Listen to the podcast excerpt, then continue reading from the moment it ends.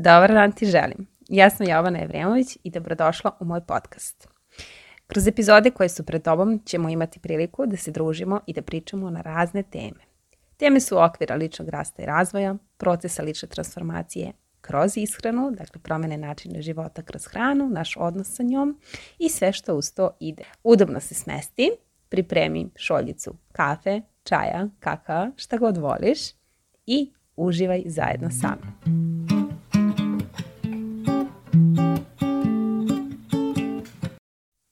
Dobar dan svima. Danas želim sa vama da pričam malo više o tome, o onom osjećaju zapravo ja sve znam, ali ne mogu. Onaj osjećaj kada te osoba koja te voli preko puta gleda i postičete da je vrijeme da se promeniš, da je vrijeme da nešto uradiš po pitanju svog zdravlja, po, po pitanju toga kako se osjećaš, po pitanju tvog nezadovoljstva koje prepoznaje i vidi u tebi – kada ti iz najbolje namere kaže pa znaš, nije to toliko teško, samo treba da probušiš kašiku, da jedeš manje nego što si navikla da jedeš, da kreneš da treniraš, da se malo pozabaviš sobom, da malo posvetiš vreme sebi.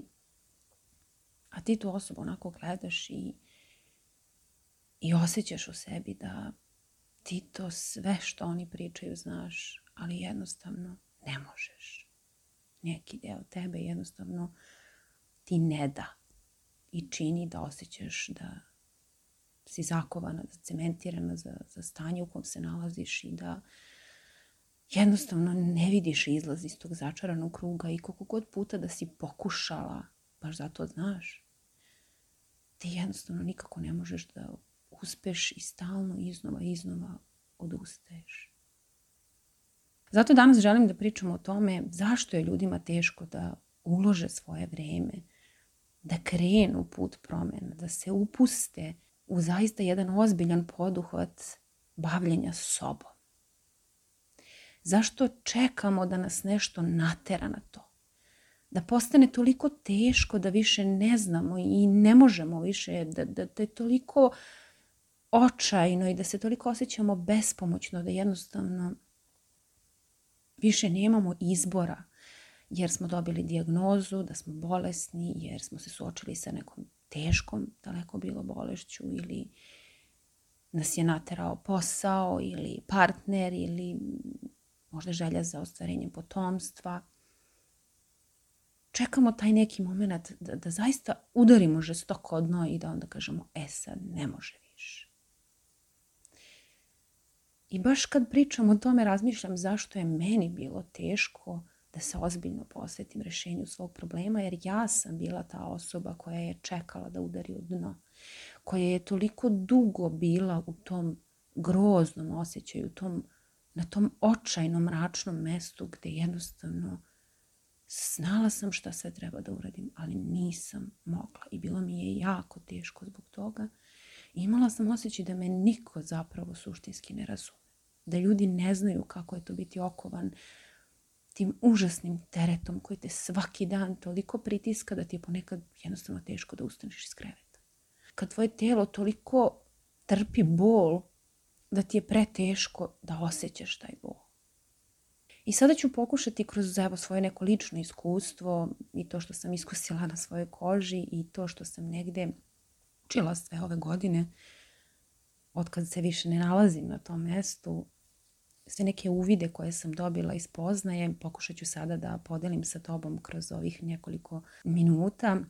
U želji da ti jednostavno možda otvorim neku novu percepciju, neki novi pogled, neki novi način razmišljanja i bit ću najsrećnija ako ti pomognem da bar razumeš zašto je toliko teško krenuti na ovaj put trajnih promjena, promjena načina života i promjena upoznavanja sebe i otkrivanja sebe. Prvi i osnovni razlog zašto je meni bilo teško da se pokrenem sa tog mesta, uprkos tome što sam znala da je kraj i da više ne mogu dalje tako, bilo je zato što sam se plašila svoje prošlosti. Plašila sam se još jednog neuspeha. Zato što moji načini koji, na koje sam ja pokušavala da se izborim sa tim viškom tereta koji sam nosila na sebi, koji se odražavao tim nezadovoljstvom kad se pogledam ogledalo, kad nemam šta da obučem, kad vidim svoje stare slike, kad vidim svoju staru garderobu, jednostavno sve što sam pokušala non stop se završavalo još jednim neuspehom. Kao da, da je sve što uradim i sve što pokušam bilo osuđeno na neuspeh. Kao da sam ja bila osuđena na to da iznova, iznova osjećam to, da iznova, iznova prolazim kroz taj pakao pokušavanja, siljenja, mučenja sebe da, da, da opstanem, da nastavim, da izdržim. Međutim, ne. Iznova, iznova sam dobijala potvrdu da džaba. Svaka dijeta koju sam pokušala, svaki režim ishrane koji sam platila, svaki jelovnik, jednostavno sve se završavalo odustajanjem i tim osjećajem ja sam neuspeh. Druga stvar zašto mi je bilo teško da se pokrenem i da, da, da se posvetim, da utrošim svoje vreme u tu promjenu jeste zato što sam se plašila nepoznatog. Navikla sam na to da mi je teško, navikla sam na to da budem stalno nervozna, navikla sam na to da stalno budem ljuta kad treba da izađem napolje, kad nemam šta da obučem, kad, kad, kad jednostavno istresem ceo ormar i, i ostanem onako sa, sa, sa jednim besom u sebi sa, i sa jednom tugom zapravo, sa suzama u očima, jer šta god da obučem, ja se osjećam grozno, sve me žulja, sve me stiska, sve mi smeta. Ja sam se navikla da budem u tome i sama činjenica da ja treba da se pokrenem sa te tačke i da probam nešto novo je činila da se zaledim, da se zamrznem, jer šta ako ponovo, ponovo ne uspem i šta, šta ako taj način učini da se osjećam još gore, da padnem još dublje jako sam se plašila toga što nisam znala šta da očekujem, što nisam znala da li ja to mogu, što nisam verovala više da ja imam samopouzdanja, što jednostavno nisam videla sve svoje prethodne uspehe i nekako sam potisnula tu svoju upornost, tu svoju sposobnost da se izborim sa nekim prethodnim teškim izazovima u životu potpuno sam to zanemarila i, i stavila u ćošak da jednostavno više nisam se sećala kako to izgleda biti uspešan, kako to izgleda pokrenuti se u nešto što ne znaš kako će se završiti, ali veruješ. Izgubila sam veru zapravo da, da ja uopšte mogu. Sljedeća stvar koja, koja je mene držala u tom stanju jeste što sam se plašila obavezivanja. Plašila sam se same sebe i plašila sam se da izneverim sebe. Plašila sam se da još jednom obećam sebi da od sutra taj dan, da od sljedećeg ponedeljka je taj dan kada ću ja krenuti, kada ću ja uspeti. Jako sam se plašila da se obavežem i da ne uspem da održim to obećanje koje sam dala sebi. I onda mi je nekako bilo lakše da, da se ne obavezujem. Sljedeća stvar Plašila sam se uspeha. Da, plašila sam se šta ako ja zapravo uspem. Šta ako ja zapravo dostignem tu ženu koju želim da vidim, koju želim ponovo da osjetim. Šta ako se ja na tom svom putu promjena i ako se odvažim da krenem na psihoterapiju i ako se odvažim da krenem na trening i ako se odvažim da, da menjam sebe, šta ako se promeni svet oko mene? Šta ako ljudi koji su bliski meni mene više ne budu poznavali, ako me više ne budu želeli takvu kakva jesam. Plašila sam se da ako ja postanem stvarno ono što jesam, ja, ja, ako pokažem svaki delić sebe, i onaj lep, i onaj manje lep, i onaj manje savršen, i onaj, a, onaj deo koji zna i da se naljuti i da postavi jasne granice i da kaže ne, plašila sam se da će da ću na taj način, ako uspem i ako ostvarim tu ženu kako je sam krenula, da ću izgubiti ljude oko sebe, da, da me više neće prihvatati takvu i jednostavno imala sam taj strah od odbacivanja. Šta ako takva sada više drugima ne budem bila dobra. Još jedna stvar je bila, jako sam imala negativan stav prema trošenju novca. Svaki put kada bi vidjela neki program ili edukaciju ili kurs ili neku teretanu ili neki personalni pristup i rad, ja sam stalno mislila na to, to je preskupo za mene. Ja nisam sad u situaciji da tako trošim pa, pare, da bacam novac. Mislim, što da ga bacam? Pa se onda opet aktivira onaj strah od neuspeha, kad ja onako znam da neću uspjeti. Kasnije, kroz rad na sebi sam osvestila da imam brojna uverenja za novac koje sam naravno što nasledila, što stekla i da sam se nekako plašila da, da taj novac, ako ga potrošim, teško je stečen, kako ću ga ponovo vratiti. Uopšte nisam mogla da zamislim da je to investicija, da to nije trošak, nego je investicija. Pa sam se tako branila raznim uverenjima, kao što je zdrava ishrana je skupa, to mogu samo ljudi koji imaju puno novca, ili personalni trening je za one koji su razmaženi, koji ne znaju šta će od para, pa eto oni mogu sebi to da priušte. A jednostavno ponekad nisam ni znala šta ja stvarno u tom trenutku želim, koji su to stvarno moje potrebe. Nisam znala ni kako to da iskomuniciram, ni kako glasno da kažem osobi koje treba da platim, da mi pomogne da nešto postignem. Nisam uopšte znala da joj kažem šta želim i nisam znala da li to od nje mogu da dobijem. Toliko sam bila krhkog samopouzdanja da sam se plašila da iskomuniciram svoju potrebu čak i kad sam je znala. Međutim, veliku ulogu u tom delu je odigrao moj suprug kada sam trebala da počnem da idem na personalne treninge jer me stanje nateralo na to, moje zdravlje je bilo ugroženo. On je prvi rekao, Jovana, ja ću ti plaćati treninge, tvoje je samo da se pojaviš i da odeš. Jer moja prva reakcija kad sam čula da, ne znam, mesec dana, četiri puta nedeljno treninga sa personalnim trenerom košta 150 eura, ja sam odmah rekla, ne, ja nemam taj novac za to priuštim. Kao da sam sebi tad rekla, ja nisam dovoljno vredna da uložim taj novac u sebe.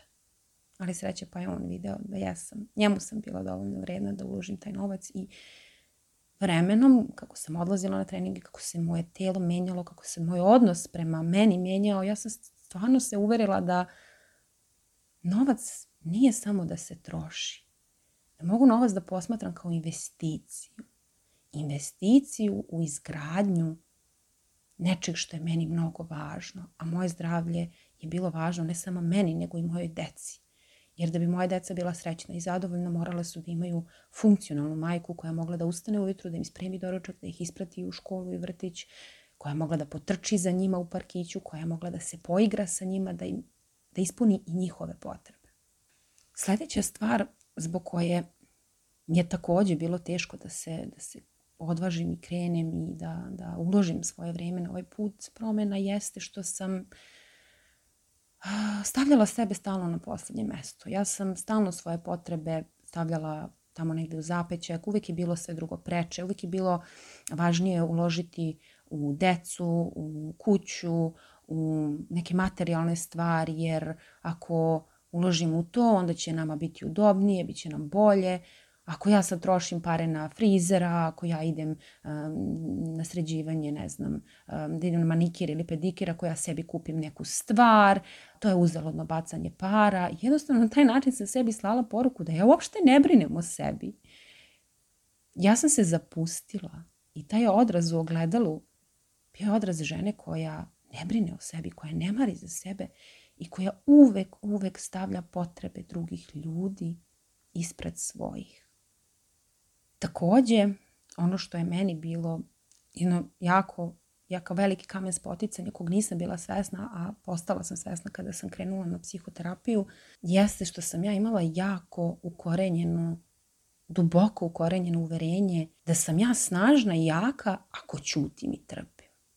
Bože, kad se setim toliko godina unazad sam ja verovala u to i ponašala se u skladu sa tim, dozvolila sebi da vrednujem sebe samo ako ja ćutim, trpim, sklanjam se drugima, ako ja, koliko ja mogu da podnesem da je nešto teško, e ja sam onda toliko snažna i jaka. Samo sebe sam zavaravala i mislila da ja sve mogu sama i da meni niko drugi ne može pomoći i da ja moram sama. Kasnije, opet kažem, kroz dalje rad sam osvestila da to uverenje seže daleko, daleko kroz moju žensku liniju u porodici. Ima i u muškoj, naravno, ali to je malo drugačije, ali pre svega moja majka, baka, dalje iz njihovih priča, njihovim bakama i majkama što sam čula jeste da su žene jednostavno u našoj porodici navikle da se na taj način prosto sklanjaju i da time što ćute i trpe da one nekako dobijaju tu neku titulu kao jao moja žena je jaka ili moja majka je uvek bila jaka, ona je uvek to sve nosila sama, ćutala, nikad nisi mogao da je čuješ da se ona požali na nešto, da ona odgovori nekome, da opsuje, da se uvredi, da ni slučajno da kaže da joj nešto treba. Tako da mi je to bilo mnogo lakše da osvestim i da shvatim da ja danas ne moram da trpim. da ja danas imam tu odgovornost zapravo da svim svojim pretkinjama, koje sam sasvim sigurna da, da me odnekud posmatraju i da, da su i dalje deo mene, da im pokažem da ja danas u ime svih njih više ne moram da ćutim i da trpim i da ne moram sama i da mogu jasno i glasno da kažem svoje potrebe i da mogu da tražim i da mogu da dobijem i da ne moram samo da dajem, da mogu i da primim. I taj osjećaj je mnogo lep. A, sa ovim polako želim da zatvorim. Mislim da sam vam dala dosta uvida o kojima možete razmisliti. I ono, ono na što bih vas ja pozvala sada kada ste oslušale sve ovo, jeste da razmislite o jednom pitanju.